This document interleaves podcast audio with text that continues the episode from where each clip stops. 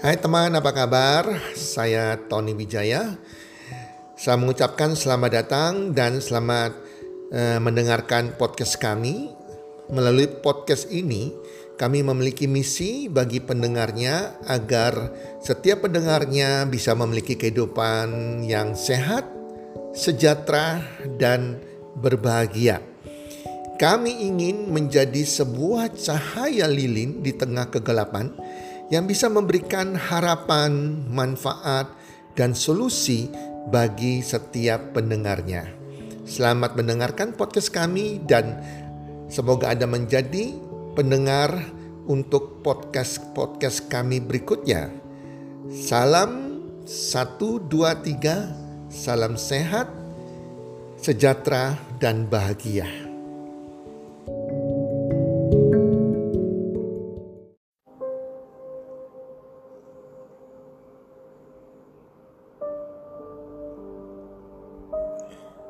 Monkey Business atau bisnis monyet.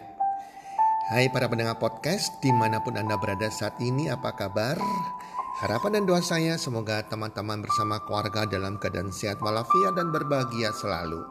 Dan pastinya, pastinya, pastinya Anda akan bertambah rezeki Anda, bertambah keberuntungan Anda, dan makin sukses dari hari ke hari, bulan ke bulan teman-teman. Teman-teman, saat ini ada istilah yang namanya monkey business atau bahasa Indonesianya adalah bisnis monyet. Bisnis monyet adalah sebutan untuk sebuah perumpamaan strategi bisnis untuk merugikan orang lain dan menguntungkan diri sendiri. Monkey business termasuk dalam dirty business atau bisnis yang kotor yang sebaiknya kita harus hindari. Jadi teman-teman hati-hati kalau kita mau belajar berwirausaha, kita harus menghindari yang namanya monkey business tersebut. Gambaran soal monkey business ini seperti ini ceritanya teman-teman ya.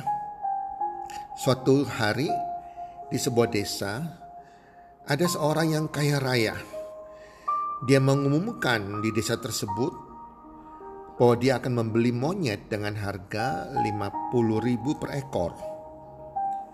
Padahal monyet di sana sama sekali tak ada harganya karena jumlahnya yang sangat banyak dan sering dianggap sebagai hama pemakan tanaman buah-buahan menjadi musuh para penduduk desa tersebut. Para penduduk desa yang menyadari bahwa banyak monyet di sekitar desa mereka, kemudian Penduduk desa mulai masuk hutan dan menangkap monyetnya satu persatu. Kemudian seorang kaya membeli ribuan ekor monyet dengan harga 50 ribu per ekor. Karena penangkapan secara besar-besaran, akhirnya monyet-monyet semakin sulit dicari. Dan penduduk desa pun menghentikan usahanya untuk menangkap monyet-monyet tersebut. Maka si orang kaya pun sekali lagi kembali untuk mengumumkan akan membeli monyet dengan harga 100 ribu per ekor. Tentu saja hal ini memberi semangat dan angin segar bagi penduduk desa untuk kemudian mulai untuk menangkap monyet lagi. Tak berapa lama, jumlah monyet pun semakin sedikit dari hari ke hari dan semakin sulit dicari. Kemudian penduduk pun kembali ke aktivitas seperti biasanya yaitu bertani. Karena monyet kini telah langka, harga monyet pun meroket naik hingga 150 ribu per ekornya. Tapi tetap saja monyet sudah sangat sulit dicari.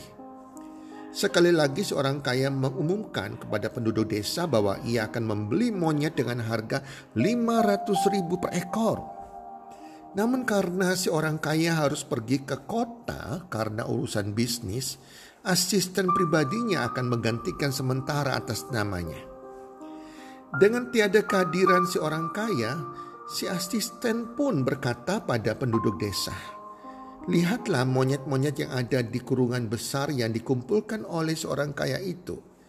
Saya akan menjual monyet-monyet itu kepada kalian dengan harga 350 ribu per ekor dan saat si orang kaya kembali, kalian bisa menjualnya kembali si, kepada si orang kaya dengan harga 500 ribu per ekor. Bagaimana?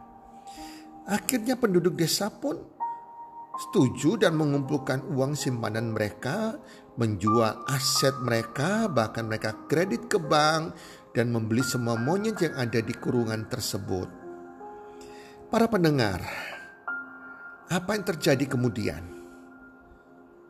Asistennya menghilang dan mereka tidak pernah lagi melihat seorang kaya maupun si asisten di desa itu. Itulah yang dikatakan sebagai monkey business. Hati-hati para pendengar, jangan terjebak dengan strategi permainan monkey business yang dimainkan oleh orang yang punya uang. Seperti dulu ada yang namanya, masih ingat kan ikan arwana yang harganya naik gila-gilaan? Ikan lohan yang harganya naik gila-gilaan?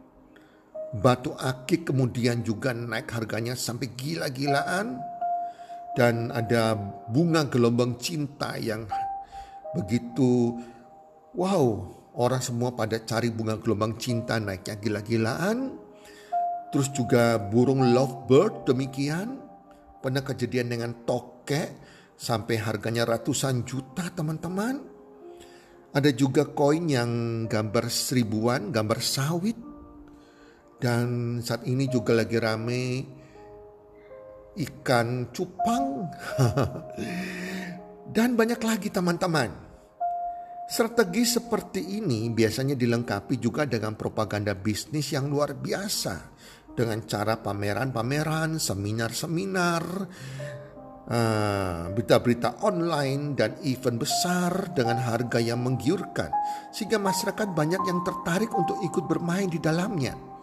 Padahal di event itu, di berita-berita di online, aktornya adalah orang-orang yang kapitalis yang bersandiwara untuk memikat masyarakat banyak. Jadi teman-teman, jangan tergiur profit yang tidak masuk akal.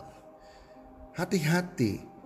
Semua yang permainan kotor, strategi bisnis yang dibuat oleh seseorang yang punya uang, termasuk bisnis-bisnis yang kotor, teman-teman, investasi-investasi bodong, itu juga termasuk monkey bisnis. Di mana Anda menginvestasikan sesuatu uang Anda dapat bunga yang tidak masuk akal, teman-teman. Hati-hati. Money game, money game itu juga hati-hati, teman-teman. Jadi, teman-teman, para pendengar, hati-hati dengan monkey bisnis Be wise, be smart. Berhikmatlah dan makin kita cerdas teman-teman. Oke teman-teman, semoga materi ini bermanfaat bagi Anda semuanya dan kita lebih berhati-hati dengan strategi-strategi yang dibuat oleh orang-orang yang tidak bertanggung jawab yang disebut sebagai monkey business. Salam sukses buat Anda semuanya. Salam sukses one, two, three.